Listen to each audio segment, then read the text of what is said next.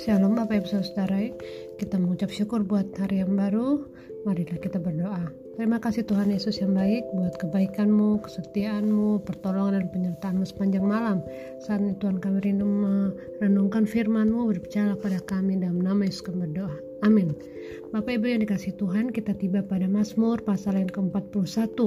Dan kalau Bapak Ibu memiliki Alkitab, silakan buka pasal ini dan di situ diberi judul doa minta penyembuhan untuk memimpin biduan Mazmur Daud.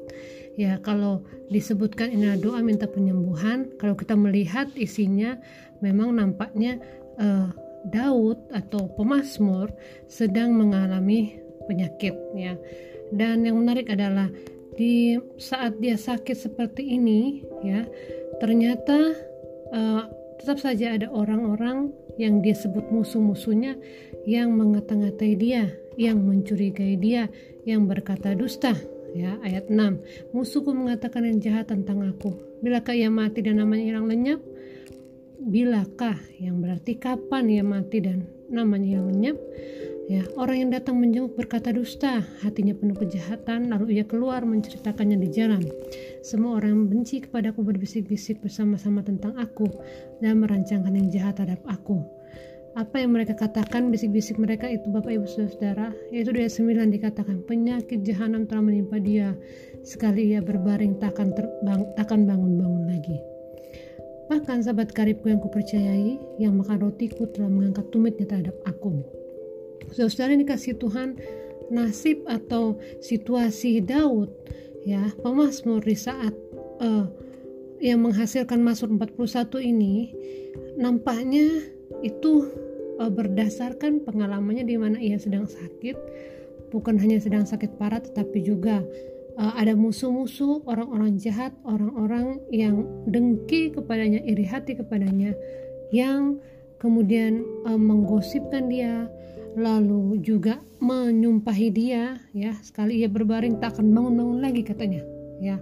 Bapak Ibu Saudara uh, nampaknya uh, pemazmur mengalami situasi yang sial.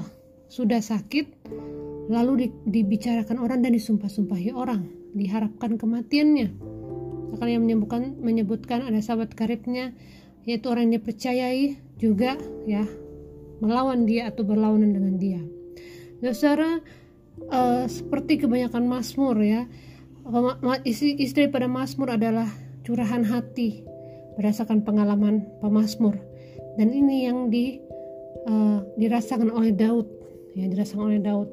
Tetapi kita melihat bahwa dalam situasinya yang dalam tanda kutip sial yang tidak tidak beruntung ini saudara ya sakit dan dihianati ya dia masih mau datang kepada Tuhan. Ya dia mengatakan ayat 11 tetapi engkau ya Tuhan kasihanilah aku dan tegakkanlah aku. Ya dia berharap kepada kepada kemurahan Tuhan. Dia berharap kepada pertolongan Tuhan.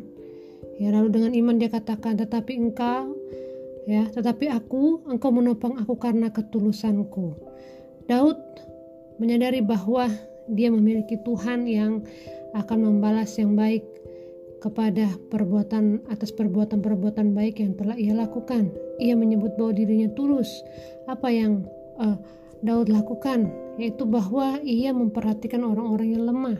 Sehingga di ayat 2 dikatakan, berbahagialah orang yang memperhatikan orang lemah, Tuhan akan meluputkan dia pada waktu celaka.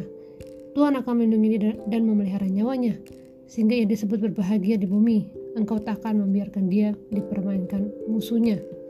Bahkan waktu dia sakit, di ranjangnya Tuhan akan membantu dia. Di tempat tidurnya Tuhan akan memulihkannya sama sekali dari sakitnya. Selesai so, dikasih Tuhan dari curahan hati pemazmur di pasal 41 ini kita bisa melihat bahwa dalam situasi tidak beruntung sekalipun dalam situasi di mana ia mengalami ketidakadilan juga ini dia masih bisa datang kepada Tuhan. Ya dan dan uh, dia meyakini bahwa dalam hidupnya dia telah berbuat yang benar di hadapan Tuhan, tulus memperhatikan orang lemah, sehingga dia menaruh kepercayaan bahwa Tuhan pasti akan menolong dia. Ya, selesai dikasih Tuhan waktu kita berbuat baik kepada orang lain, sewaktu kita berbuat yang benar, tujuannya bukanlah untuk menyogok Tuhan ya supaya Tuhan kemudian membalaskan tidak tetapi uh, tulus saja waktu kita berbuat baik ya karena orang yang tulus pasti diberkati Tuhan pasti ditolong oleh Tuhan pasti akan dibela oleh Tuhan walaupun kita semua mengalami masalah tidak ada yang luput dari masalah. Jadi orang Kristen bukan berarti tidak ada masalah sama sekali, sama seperti pemazmur yang punya masalah, sakit penyakit dan uh, musuh-musuh orang yang mendengki dan menyumpahi kematiannya. Ya, jadi orang Kristen tetap ada tantangan, tetapi tetaplah tulus di hadapan Tuhan karena Tuhan pasti memberkati dan membalaskan yang baik bagi orang-orang yang tulus di hadapannya, orang-orang yang memperhatikan sesamanya. Pasti Tuhan juga akan memperhatikannya. Amin Bapak Ibu Saudara, mari kita bersatu dalam doa. Terima kasih Bapak Surgawi, kami mengucap syukur buat kasih dan kemurahan-Mu. Ini hidup kami Tuhan, pakailah kami menjadi garam dan terang dunia. Pakailah kami sesuai dengan kehendak-Mu. Biarlah hidup kami menyenangkan hatimu Yesus. Pimpin kami sepanjang hari ini, Tunjukkan kami, ajarkanlah kami untuk menjadi berkat di mana pun kami berada. Ini hidup kami dalam nama Yesus kami berdoa. Amin.